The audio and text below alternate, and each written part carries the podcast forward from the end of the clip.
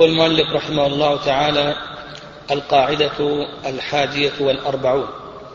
إذا تعلق بعين حق تعلقا لازما فأتلفها من يلزمه الضمان فهل يعود الحق إلى البدل المأخوذ من غير عقد جديد؟ فيه خلاف. معنى هذه القاعدة معنى هذه القاعدة معناها أن العين إذا تعلق بها حق تعلق هذا الحق ببدلها دون عقد نقول معنى هذه القاعدة أن العين إذا تعلق بها حق تعلق الحق أيضا ببدلها. البدل له حكم المبدل دون عقد جديد هذا المعنى. المعنى أن العين إذا تعلق بها حق تعلق الحق ببدلها دون عقد جديد. ويتضح هذا من الأمثلة التي ذكرها المؤلف رحمه الله تعالى. قال لك لو منها لو أتلف الرهن لو أتلف الرهن. نعم لو أتلف الرهن. يعني عندنا سيارة رهن. جاء شخص وأتلف هذه السيارة. وأخذنا القيمة. ما في حاجة أن نعقد عقد جديد على هذه القيمة لكي تكون رهنا بمجرد أن أخذنا قيمة القيمة هذه تكون رهن القيمة هذه تكون رهنا ولا في حاجة إلى أن نجدد عقدا. نعم لا, لا ليس في هناك حاجة إلى أن نجدد عقدا إلى أن تكون القيمة رهنا وهذه يعني لو قال المؤلف رحمه الله البدل له حكم المبدل قاعدة البدل له حكم المبدل وفرع هذه التفريعات وأيضا فرع غيرها. لكفى ذلك؟ كان أوضح. ومن ذلك أيضا من الأمثلة الوقف. نعم الوقف. لو كان عندنا سيارة وقف ثم جاء شخص وأتلفها وأخذنا قيمة السيارة. الآن القيمة هي البدل. ما في حاجة أن نجدد الوقف يعني نقول بأن هذه القيمة نعقد عليها بأنها وقف نقول هذه وقف أو لله. بمجرد أخذنا القيمة القيمة هذه أصبحت وقفا. ولا في حاجة إلى أن نجدد عقدا جديدا. نقول بأنها وقف لأنه قد لو قلنا لابد من عقد جديد قبل العقد ما أصبحت وقف جاز التصرف فيها تصرف آخر. لكن مجرد أن نأخذها ما في حاجة إلى العقد تصير وقفا بمجرد أن نأخذها تكون وقفا. مثله أيضا لو أتلف الأضحية. أما الأضحية اشترى شاة وعينها أنها أضحية؟ قال هذه أضحية أو لله. ثم بعد ذلك جاء شخص وأتلف هذه الأضحية. وأخذنا القيمة نقول أن هذه القيمة تكون قيمة لأضحية ولا حاجة إلى أن نجدد عقدا جديدا إلى آخره. نعم آه، قال لك الأضحية أو الموصى بها متلف وأخذت قيمته. الخلاصة في هذه القاعدة نعم أن نقول بأن البدل له حكم مبدل. ومن فروع هذه القاعدة أن البدل له حكم مبدل. أن الأضحية بدلها يقوم مقامها والوقف بدله يقوم مقامه. والرهن بدله يقوم مقامه والموصى به بدله يقوم مقامه سواء حصل ذلك عن طريق التلف أو حصل عن, عن طريق غيره. ولهذا العلماء رحمهم الله يقولون إذا احتجنا إلى أن نبيع الوقف ثم اشترينا بثمنه وقفا آه، عقارا يعني احتجنا أن نبيع عقار الوقف أو منقول الوقف ثم اشترينا بثمنه الوقف الذي بيع عقارا أو منقولا بمجرد الشراء فإنه وقف ولا حاجة إلى عقد جديد. نعم. ومثل هنا القيمة تكون في مجرد عقد القيمة فإنها تكون آه، رهنا وتكون وقفا إلى آخره كما سبق. نعم.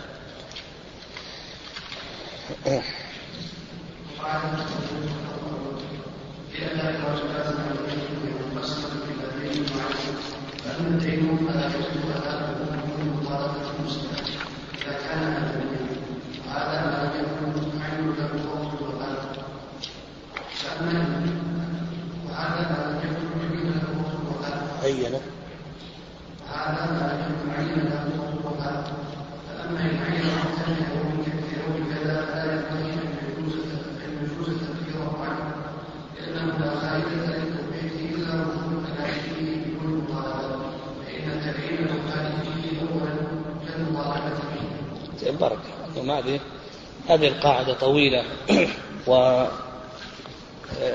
نجعلها على ثمانية أقسام. تحت هذه القاعدة ثمانية أقسام. وهذه قاعدة الحقيقة أنها قاعدة مهمة جدا. و آه، يعني وش معنى هذه القاعدة؟ معنى هذه القاعدة إذا كان عندك حق مالي للغير.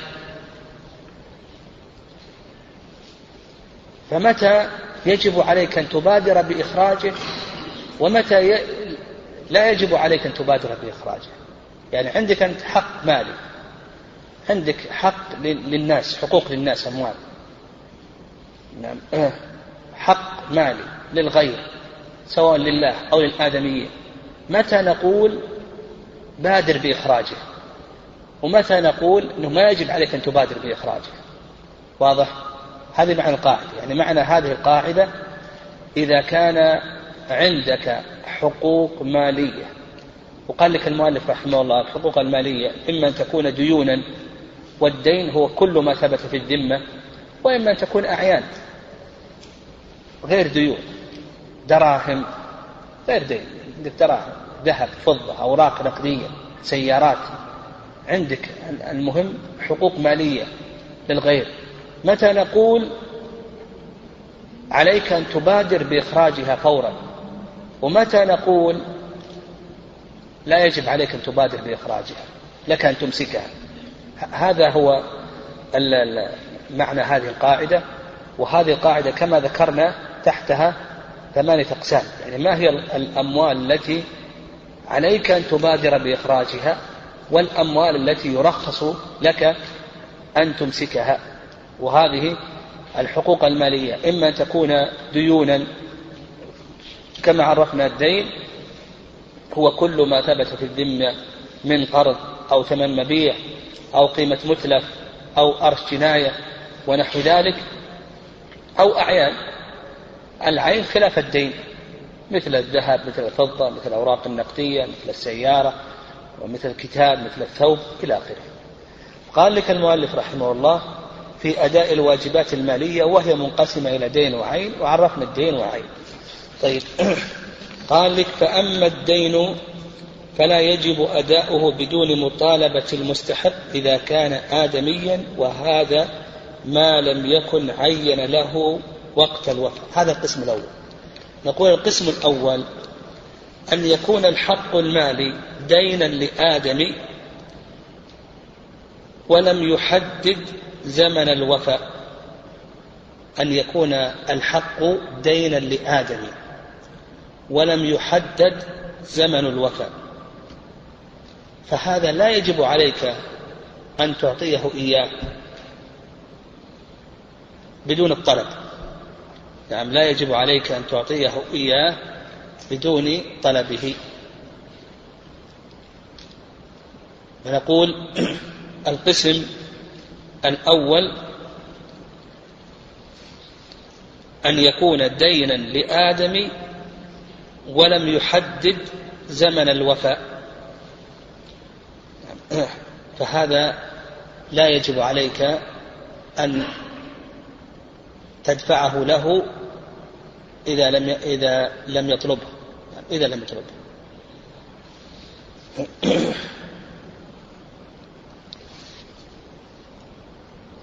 مثال ذلك يعني مثال ذلك.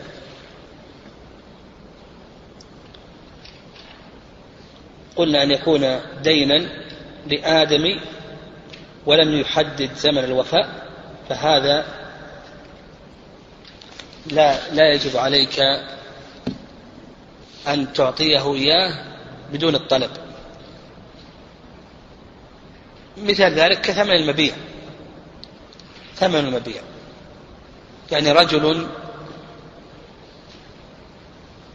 باع عليك سيارة. السيارة هذه لها ثمن. هذه السيارة لها ثمن.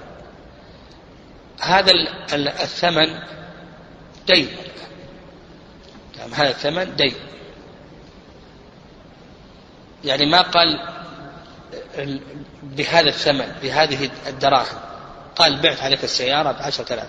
هذه العشرة دين إذا طلب منك العشرة تعطيه هي تبادر أن تعطيه إياه إذا لم يطلبها وأخره لا في هذا لا بأس.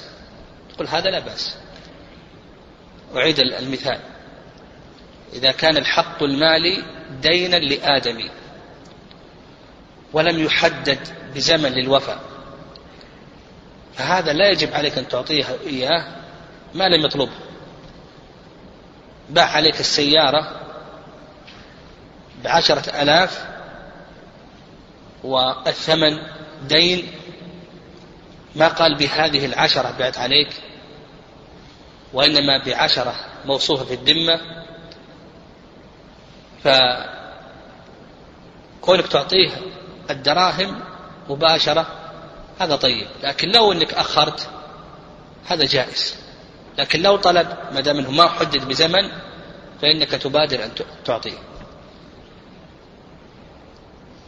أيضا لو أقرضك دراهم يعني أقرضك الدراهم هذا دين لادمي إذا طالبك به أعطه إياه. إذا طالبك بالقرض أعطه إياه. ما حدد إذا طالبك بالقرض أعطه إياه. لم يطالبك لا يجب عليك أن أن تبادر بإخراج القرض له ما دام أنه ما طالبك.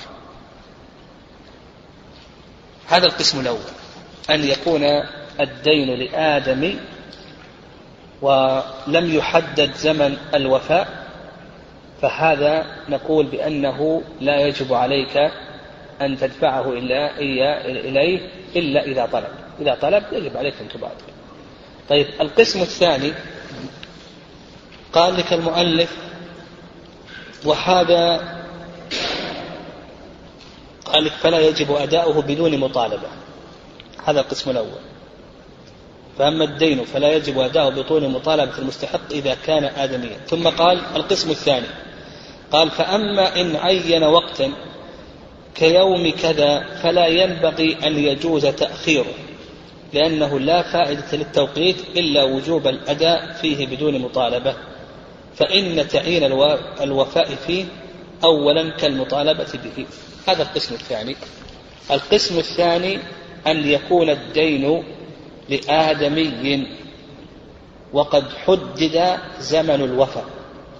يعني حدد زمن الوفاة فيقول لك المؤلف لا ينبغي أن يجوز تأخيره. حدد زمن الوفاة مثاله ثمن المبيع. نعم ثمن المبيع. باع عليك السيارة والثمن مؤجل لمدة شهر. حل الشهر. نعم حل الشهر. هذا دين آدمي حدد الآن. ماذا؟ زمن الوفاة. حدد زمن الوفاة. يقول لك ما ينبغي أن يجوز أن تؤخر. لأن التحديد بمنزلة ماذا؟ ها؟ المطالبة. أحسنت. التحديد بمنزلة المطالبة. كأنه الآن طالبك. فما دام ضربنا لثمن هذا المبيع ضربنا له شهرا خلاص إذا تم الشهر أحضر المبلغ. ويقول لك المؤلف لا ينبغي أن يجوز أن يقال بجواز التأخير. لأننا كوننا حددنا الوقت هذا كأن كأنه الآن يطالبك. كأنه الآن يطالبك. بخلاف القسم الأول فالقسم الأول ما حدد وقت فما في مطالبة. ولهذا قال لك المؤلف رحمه الله تعالى يجوز لك أن تؤخر ما لم يطالب المستحق.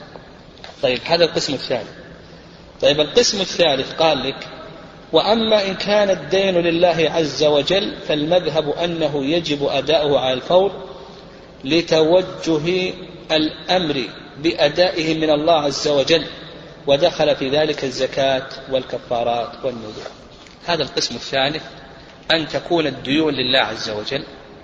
فإذا كانت الديون لله عز وجل من زكوات كفارات ونذور فهذه يقول لك المؤلف رحمه الله تعالى يجب أداؤها على الفور. عليك كفارة يمين يجب أن تبادر بإخراجها. حق مال لله عز وجل يجب أن تبادر بإخراجه. عليك كفارة ظهار يجب أن تبادر بإخراجه. عليك زكاة عليك نذر. يجب أن تبادر بإخراج هذه الواجبات لله عز وجل. وهذا ينبني على قاعدة عند جمهور الأصوليين وهي أن الأصل في أوامر الشارع المطلقة المجردة عن القرائن أنها تقتضي ماذا؟ الفورية. أنها تقتضي الفورية. فنقول يجب عليك أن تبادر. والنبي صلى الله عليه وسلم لما أمر الصحابة رضي الله تعالى عنهم في الحديبية أن يحرقوا وأن ينحروا وتأخروا غضب النبي صلى الله عليه وسلم. مما يدل على أن أوامر الشارع على الفور واللغة تقتضي ذلك. طيب قال لك وأما العين فمنها الأمانات التي حصلت في يد المؤتمن في يد المؤتمن برضا صاحبها فلا يجب أداؤها إلا بعد المطالبة. ودخل في ذلك الوديعة وكذلك أموال الشركة والمضاربة والوكالة من بقاء عقود. هذا القسم الرابع. القسم الرابع الأمانات. نعم القسم الرابع الأمانات التي وضعها صاحبها برضاه في يد المؤتمن أو في يد الأمين. الأمانات في يد الأمين التي وضعها صاحبها برضاه. وأيضا لابد أن نفهم الأمانة لأن هذا بيأتينا القواعد هذه. يعني الآن عندنا كم من قاعدة هذه كلها سيتكلم فيها المؤلف رحمه الله عن الأمانة والأمين إلى آخره. الأمانات جمع أمانة وضابط الأمانة هي كل مال قبض بإذن الشارع أو بإذن المالك. كل أما كل مال قبض بإذن الشارع أو بإذن المالك فهو أمانة. وش معنى ذلك؟ معنى, معنى أنه أمانة؟ أنه لا يضمن إلا بالتعدي أو التفريط. كل مال قبض بإذن الشارع أو بإذن المالك فهو أمانة. معنى ذلك أنه لا يضمن إلا بالتعدي أو التفريط. والتعدي هو فعل ما لا يجوز والتفريط هو ترك ما يجب. التعدي فعل ما لا يجوز والتفريط ترك ما يجب. فمثلا كما مثل المؤلف رحمه الله الوديعة أمانة قبضت بإذن المالك قبضها المودع بإذن المالك فهي أمانة. لو تلفت عند المودع لا يضمن إلا بالتعدي أو التفريط. الوديعة أمانة مال الشركة أمانة. العين المستأجرة السيارة التي استأجرتها هذه أمانة عند المستأجر. لو تلفت لا يضمن إلا إذا تعدى أو فرط. العارية الصحيح أنها أمانة. لا يضمن المستعير إلا بالتعدي أو التفريط. يعني على هذا فقس. المهم عندنا هذا القسم القسم الثالث. القسم الثالث الأمانات التي حصلت في يد المؤتمن برضا صاحبها فلا يجب أداؤها فعندك الآن الوديعة ما يجب عليك أنك ترد على صاحبها. ودعك أو دعك السيارة أو دعك المال ما يجب عليك ترد على صاحبه أدم أنه ما طالبك ما يجب. مال المضاربة العقد لا يزال باقيا. يعني أنت أعطيت شخص مئة ألف يضارب فيها لمدة سنة سنتين إلى آخره. العقد لا يزال باقي. ما يجب عليه أن يرد عليك. مال الشركة عقد الشركة لا يزال باقي ما يجب عليك أن يرد عليك. الوكالة وكلت هذا الشخص يبيع السيارة وأعطيته السيارة. وحتى الآن عقد الوكالة باقي ما, ما فسخت عقد الوكالة. يقول ما يجب عليك ما يجب عليه أنه يرد عليك المال. يعني هو أمين. أعطيته دراهم يشتري سيارة ويشتري أرض. ما دام انك إنه وكيل ما فسخت فلا يجب عليه أن يرد. فنقول هذه يقول لك حكمها حكم هذه القسم الرابع الأمانات بيد الأمين برضا صاحبها. يعني الأمانات بيد الأمين برضا صاحبها لا يجب على الأمين أن يردها. الأمين نقول لا يجب عليه أن يردها إلا بعد المطالبة من المالك. لا يجب عليه أن يردها إلا بعد المطالبة من المالك. وعلى هذا لو تلفت عند الأمين يضمن أو لا يضمن؟ لا يضمن ما نقول أنه يجب عليك ترده نقول لا يجب عليك أن ترده لو قلنا يجب أن يردها وتلفت عنده ضمن. لكن هنا نقول بأنه لا يجب عليك أن تردها وحينئذ لا ضمان عليه. نقول بأنه لا يضمن في هذه الحالة. فمثلا لو أعطيته عشرة آلاف لكي يشتري سيارة. ثم بعد ذلك هذه العشرة هو ما حفظها في حرزها وسرقت منه. يضمن أو لا يضمن؟ يقول ما يضمن. لأن ما نقول يجب عليه أنه يردها ما دام أنه وكيل الآن هو أمين. لا يجب. والعقد هو ما فسخ لو فسخ المالك الوكالة وقال رد الدراهم ثم بعد ذلك ما رد نقول بأنه يضمن في هذه الحالة. هذا القسم الرابع. القسم الخامس.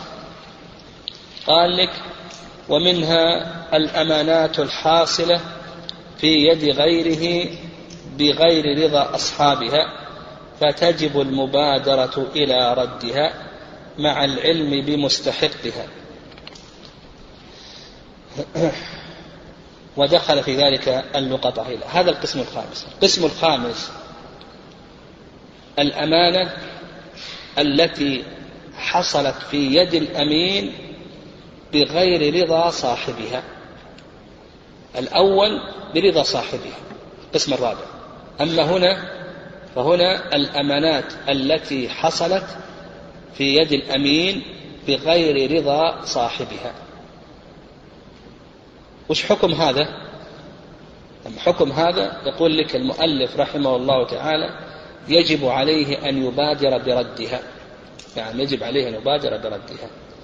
ودخل في ذلك ولا يجوز التأخير مع القدرة. اللقطة. اللقطة يعني الشارع أذن لك أنك تلتقط. وقلنا اللقطة هي المال الذي التي أذن المالك أو الشارع في أخذه. أمين. فالمالك ما أذن لك أنك تلتقط لكن الشارع أذن لك أنك تلتقط. وقول المؤلف رحمه الله بغير رضا صاحبها هذا يعني في شيء لأن لأن صاحبها أيضا عرفا يعني وإن كان لم يأذن لفظا لكنه أذن عرفا بالالتقاط لأنه يريد أن تحفظ لقطته نعم يريد. المهم حسب تقسيم المؤلف رحمه الله أن القسم الخامس الأمانات التي حصلت بيد المؤتمن أو يد الأمين بغير رضا صاحبها بغير رضا صاحبها فهذه يجب عليك أن تبادر في ردها. من الأمثلة على ذلك اللقطة. إذا علم صاحبها إذا علم صاحبها فإنه يجب عليه أن يبادر بردها. وجد لقطة ويعلم صاحبها وجب عليه أن يبادر بردها. لو تأخر في الرد فنقول بأنه ماذا؟ نقول بأنه يضمن لو تلفت. يعني إلا إذا تأخر شيئا آه، يتسامح فيه عرفا. لكن الأصل أنه يجب عليه أن يبادر بردها. وجد كتابا له قيمة وتأخر في رده حتى تلف الكتاب نقول يضمن ولا يجب عليه أن يرده وأيضا قال لك والوديعة والمضاربة والرهن و نعم والوديعة والمضاربة والرهن ونحوها إذا مات المؤتمن وانتقلت إلى وارثه. أيضا من مما يدخل تحت هذا القسم الوديعة. زيد أودع عند عمر المودع مات. انتقلت الوديعة إلى الورثة يجب على المودع يجب على المودع أن يرد الوديعة إلى الورثة لأنه بالموت انتهى عقد الوديعة. يعني لما مات انتهى عقد الوديعة لأن اللي أودع قد مات خلاص. انتفت عنه الأهلية. فيجب عليك أنك تبادر أن ترد الوديعة إلى أهلها. لو تأخر وتلفت فإنه يضمن ومثل أيضا المضاربة. يعني أيضا يقول لك المؤلف رحمه الله المضاربة مال المضاربة؟ إذا مات المضارب المضارب المضارب إذا مات المضارب أعطى زيدا مالا لكي يضارب ثم بعد ذلك المالك مات. نعم مات المالك. انتقل المال للورثة. يجب على المضارب أن يرد المال للورثة. يعني يجب عليه. لأن العقد الآن عقد الشركة انتهى. نعم عقد الشركة انتهى بأي شيء؟ بالموت. مثل أيضا الرهن. نعم الرهن المرتهن إذا كان عنده رهن. فإنه يجب أن يرد أخذ من زيد رهنا مقابل قرض. يجب أن يرده وأن يطالب بسدد الدين. أن يطالب بسدد الدين وأن يرد الرهن. فلو تأخر في ذلك يعني لو تأخر في ذلك فإنه يظلم. قال فإنه لا يجوز له الإمساك بدون إذن لأن المالك لم يرضى به وكذا من أطارت من أطارت الريح ثوبا إلى داره لغيره لا يجوز له الإمساك مع العلم بصاحبه. يعني الريح أطارت ثوبا وأنت تعلم صاحب هذا الثوب يجب عليك أنك تبادر برده إليه. فعندنا القسم الثالث الأمانات الخلاصة فيه القسم الرابع أو الخامس الأمانات التي حصلت في يد الأمين بغير رضا صاحبها. هذه يجب المبادرة بردها وإخراجها إلى أصحابها. لو تأخر إيش نقول؟ يضمن أو لا يضمن؟ نقول بأنه يضمن. لو تأخر نقول بأنه يضمن. ودخل في ذلك اللقطة لمن يعلم صاحبها. من أطارت الريح ثوبا إلى بيته ويعلم صاحبه الرهن والمضاربة والوديعة. إذا مات المودع مات المضارب مات الراهن يجب أن ترد هذه الأموال إلى الورثة. ترد لأن الورثة ما ائتمنوك. يعني ما رضوا ببقاء هذا المال تحت يدك فيجب. هذا القسم الخامس. طيب القسم السادس. قال لك وكذا حكم الأمانات إذا فسخها المالك كالوديعة والوكالة والشركة والمضاربة. يجب الرد على الفور. هذا القسم الخامس. نعم القسم الخامس. آه السادس أحسنت. القسم السادس. نعم. إذا فسخ المؤتمن عقد الأمانة. إذا فسخ المؤتمن عقد الأمانة. فإنه يجب على المؤتمن الأمين أن يرد. يجب عليه أن يبادر بالرد. فإن تأخر في الرد حتى تلف فإنه يضمن. يقول القسم السادس إذا فسخ المؤتمن أو نقول المالك عقد الأمانة. فسخ عقد الأمانة. فإنه يجب على المؤتمن الأمين أن يرد. لو تأخر في الرد ها يضمن مثل ذلك مثل الوكيل. الوكيل أمين لأنه قبض المال بإذن صاحبه. أعطيته عشرة آلاف لكي يشتري سيارة. اتصلت عليه قلت أنا استخرت لا, لا أريد سيارة. يجب أن يرد الدراهم. طيب ما رد الدراهم؟ جلست عنده يوم يومين حتى سرقت. يضمن أو لا يضمن؟ قل يضمن لأنك تعدى. الواجب عليه أنه يرد دراهم مباشرة إلا عدل الأشياء عرفا يتسامح فيها الناس. أيضا المالك فسخ عقد الشركة. فسخ عقد الشركة. لأن عقد الشركة عقد المضاربة عقد جائز. فسخه المالك. نقول المضاربة العامل يجب عليه أن يرد المال. لو تأخر ولم يرد المال ها نقول بأنه ماذا؟ يضمن. نقول بأنه يضمن. مثلها أيضا الوديعة. يعني مثله أيضا الوديعة ومال الشركة. يعني الوديعة؟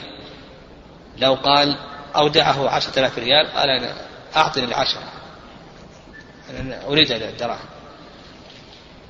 فتأخر المودع في الرد حتى تلفت فإنه يضمن هذا القسم السادس. فنقول القسم السادس إذا فسخ المالك عقد الأمانة فإنه يجب على الأمين أن يبادر بالرد. فإن لم يبادر فإنه ماذا؟ يقول بأنه يضمن طيب القسم السابع. قال لك وأما الأعيان المملوكة وأما الأعيان المملوكة بالعقود قبل تقبيضها فالأظهر أنها من هذا القبيل لأن المالك لم يرضى بإبقائها في يد الآخر في يد الآخر فيجب التمكين من الأخذ ابتداء بدليل أنه لا يجوز عندنا حبس المبيع على الثمن. هذا القسم السابع. القسم السابع الأعيان المملوكة الأعيان المملوكة بالعقد. نعم أو نقول العين المملوكة بالعقد.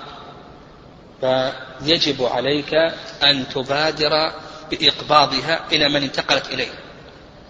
العين المملوكة بالعقد يجب عليك أن تبادر بإقباضها إلى من انتقلت إليه.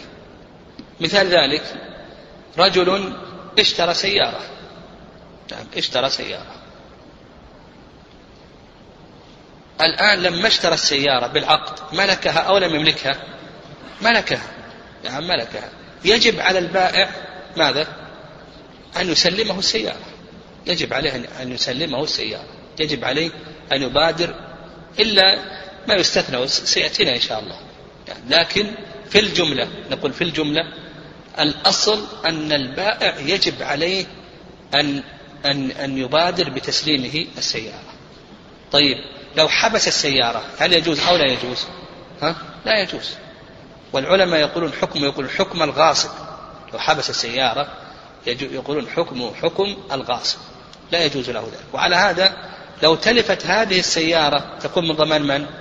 ها؟ تكون من ضمان البائع حكم حكم الغاصب بحيث أنه يضمن العين ويضمن المنفعة أيضا وقال المؤلف رحمه الله ولهذا بدليل أنه لا يجوز عندنا حبس المبيع على الثمن.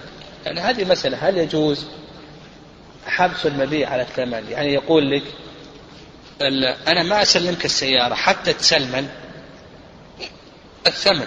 أنت أعطني وأعطيك. أعطني وأعطيك. يقول لك المؤلف رحمه الله لا ما يجوز هذا. قال لك المشتري عطل لأن هذا هو الأصل. الأصل أن البائع يبدأ أولا بالتسليم ثم المشتري. قال البائع أنا ما أسلم أنت سلما أولا ثم سلم. وعرف الناس من اللي يبدأ بالتسليم الأول ها؟ البائع. ولذلك الفقهاء يقولون ما يجوز أن تحبس المبيع على ثمنه. يعني تقول أنا ما والله السيارة حتى تسلمه لأن الأصل أنك أنت تسلم أول. البائع يسلم أولا والصحيح في ذلك أنه يجوز إذا خشي أنه ما يسلم. يعني الصحيح في ذلك أنه يعني إذا خشي خشي أن أنه ما يسلمه الدراهم يجوز أنه يحبس. يعني وهذا ستأتينا إن شاء الله إن شاء الله قريبا. هذا الكلام سيأتينا إن شاء الله. المهم القسم السابع والقسم السابع العين المملوكة بالعقد فإنه يجب المبادرة بتسليمها. وسواء كان ذلك في عقود المعاوضات كالبيع أو في عقود النكاح. يعني حتى يعني حتى الزوجة أنت إذا عقدت على امرأة إذا عقدت على امرأة لك أن تتسلم هذه المرأة. لك أن تتسلم هذه المرأة. وإذا طلب الزوج إذا كانت هذه المرأة ممن يوطأ مثلها وطلب الزوج أن تسلم يجب على وليها أن يسلمها. يعني ولا يجوز له نعم لا يجوز له أن يؤخر. إلا عد آه، إذا كان هناك عرف إلى آخره. المهم أن الأصل يجب أن يسلم هذا الأصل. يجب أن أن يخرجها إلى زوجها.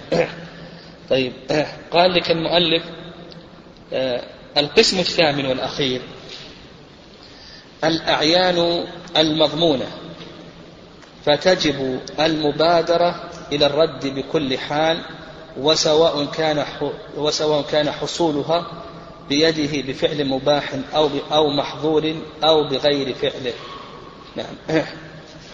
الأعيان المضمونة. هو لما تكلم المؤلف رحمه الله عن الأمانات وكيف ترد ومتى يجب أن ترد ومتى يجب أن لا ترد تكلم الآن عن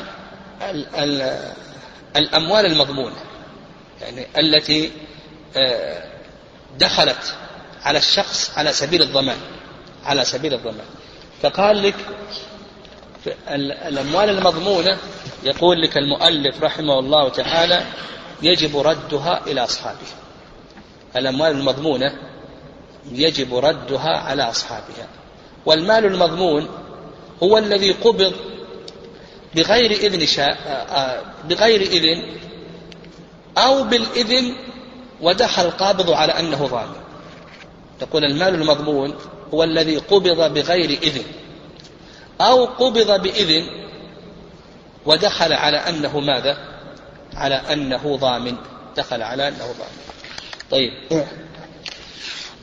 من أمثلة المؤلف رحمه الله ذكر أمثلة للمال المضمون.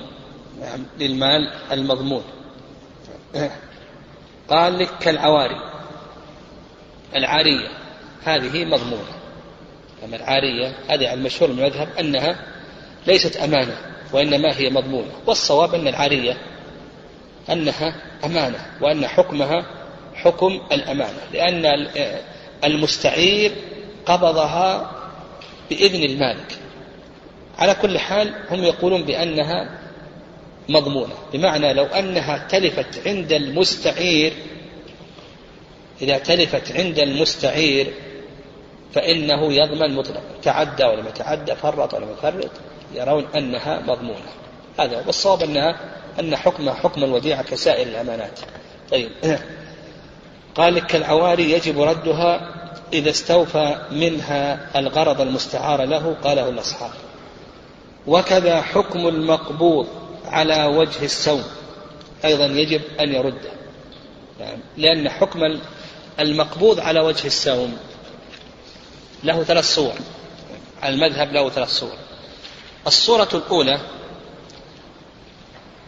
أن أن يقبض السلعة بعد قطع الثمن. يعني مثلا أخذ الثوب وقال أريها الأهل أهلي.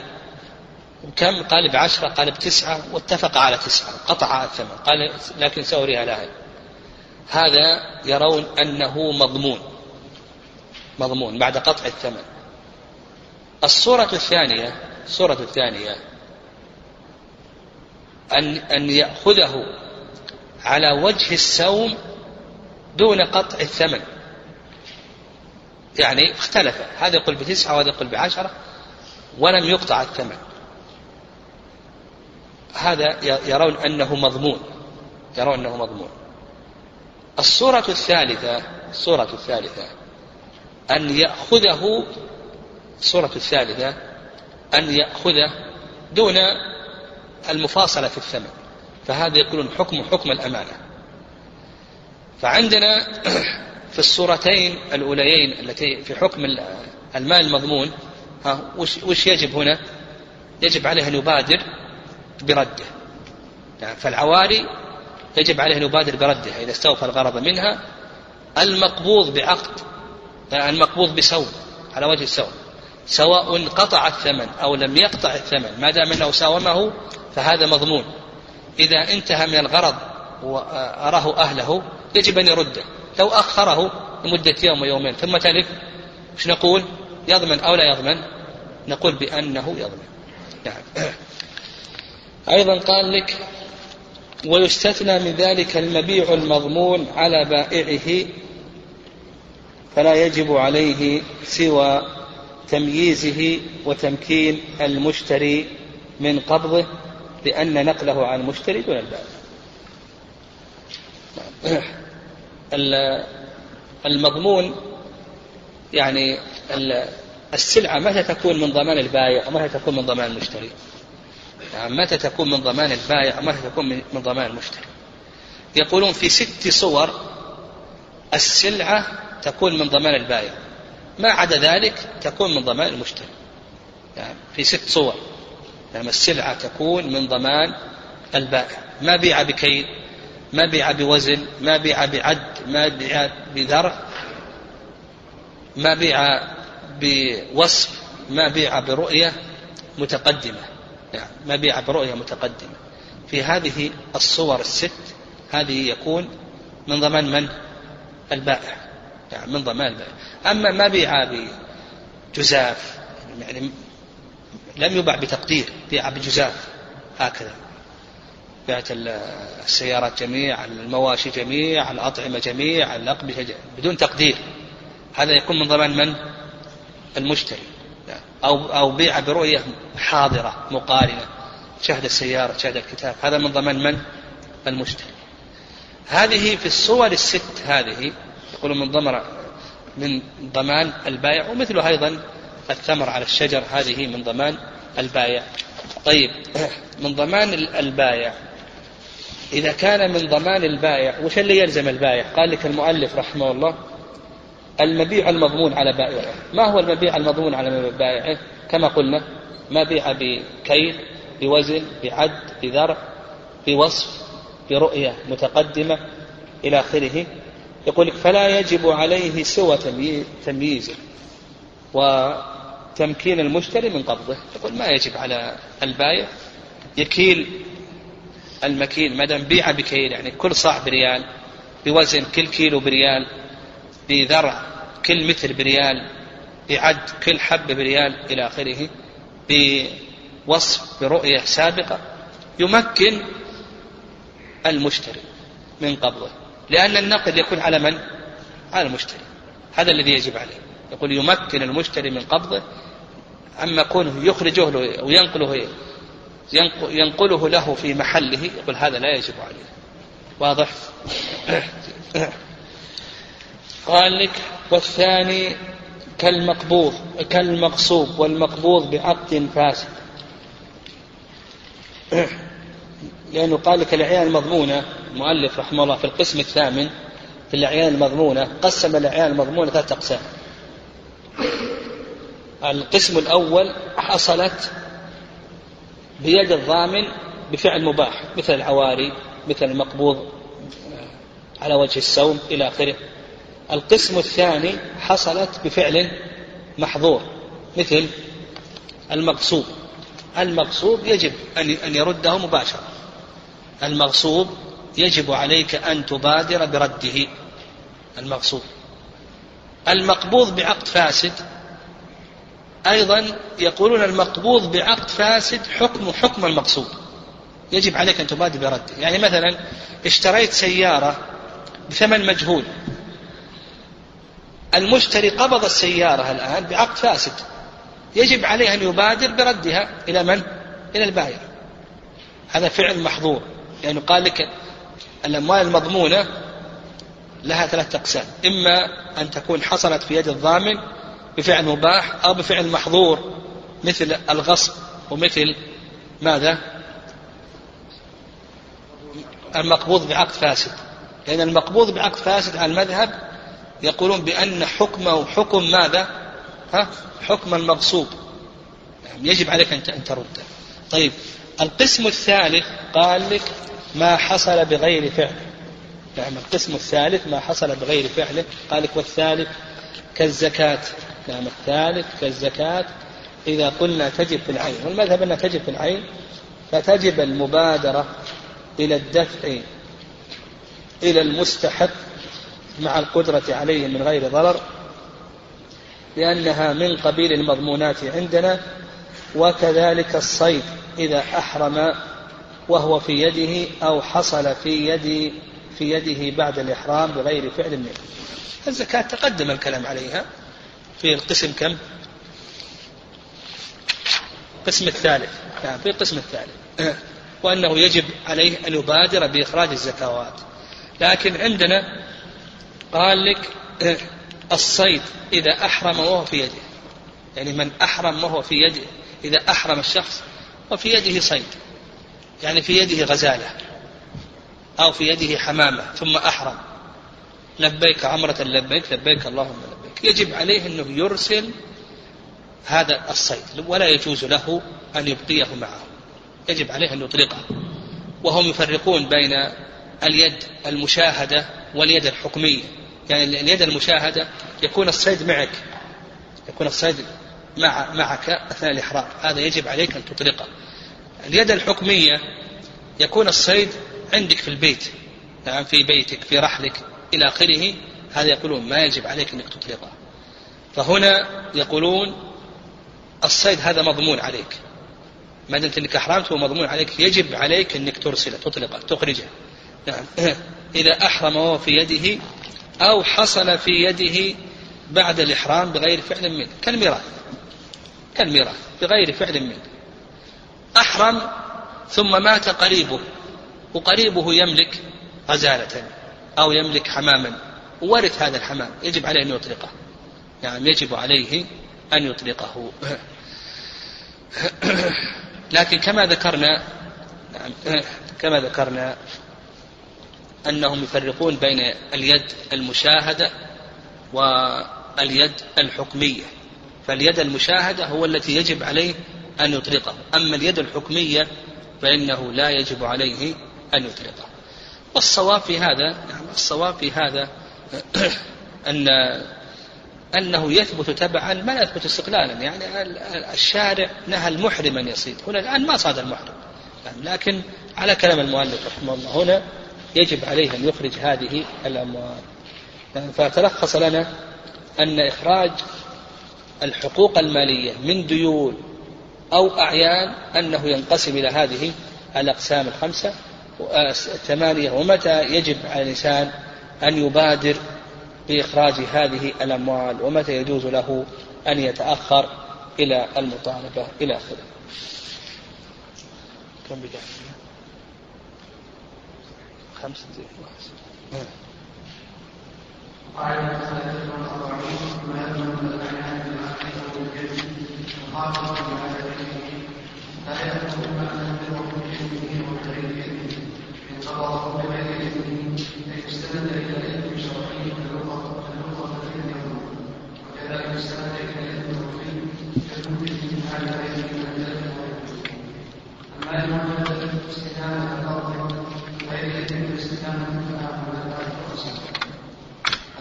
يكون عقد على أن يكون عقد على مثله عقدا أن يكون عقد على ولم يقبله مالك بعد ان كان ممتنعا من تسليمه فهو قاصر الا حيث يجوز له الامتناع من التسليم تسليم اللغة على وجهه أو لكونه رهن عنده أو استثنائه أو مدته أو قيل أو لم يكن ممتنعا من التسليم فالبال له ومعنى على هذا النبي ان يكون المعروف عليه مهانا ان يستعين بالاتباع في من صبره فان عليه ضمانه ولماذا ولماذا طيب. طيب. يعني هذه القاعدة أيضا كالقاعدة السالفة. يعني تحتها أقسام تحتها عشرة أقسام. يعني ناخذ نأخذ قسما أو قسمين قبل الصلاة. القاعدة السابقة في أي شيء؟ في أداء الواجبات في إخراج الحقوق والمبادرة في ذلك أو عدم المبادرة. القاعدة هذه في ضمان الحقوق. متى تضمن هذه الأموال ومتى لا تضمن هذه الأموال؟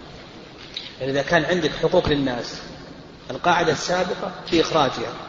هذه القاعدة في ضمانها. متى تضمن هذه الأموال ومتى لا تضمن هذه الأموال؟ فالمؤلف رحمه الله سرد نعم سرد أقساما نعم جعلناها على عشرة أقسام. نعم جعلناها على عشرة أقسام. طيب قال لك القاعدة الثالثة والأربعون فيما يضمن من الأعيان بالعقد أو باليد. بالعقد مثل عقد البيع. يعني بالعقد مثل عقد البيع. وكما قلنا لو أن الإنسان باع مكيلا ها الضمان على من يكون؟ يعني باع سلعة بتقدير بكيل أو وزن أو عد أو درع. هل بائع؟ هذا بالعقد. أو باليد. أو باليد. مثل الغاصب. يعني مثل الغاصب. أو مثل الأمين إذا تعدى وفرط. يعني بالعقد كما مثلنا مثل البيع. إذا باع سلعة بكيل أو وزن أو عد أو درع ومثله أيضا بصفة متقدم بوصف أو رؤية متقدمة. هذا كله من ضمان من؟ ها؟ من ضمان البائع أو الثمر على الشجر أيضا نقول بأنه من ضمان البائع. هذا بعقد.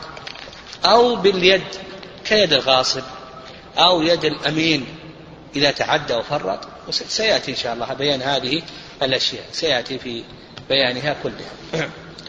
قال لك المؤلف رحمه الله فيما يضمن من الأعيان بالعقد أو باليد القابض لمال غيره لا يخلو إما أن يقبضه بإذنه أو بغير إذنه.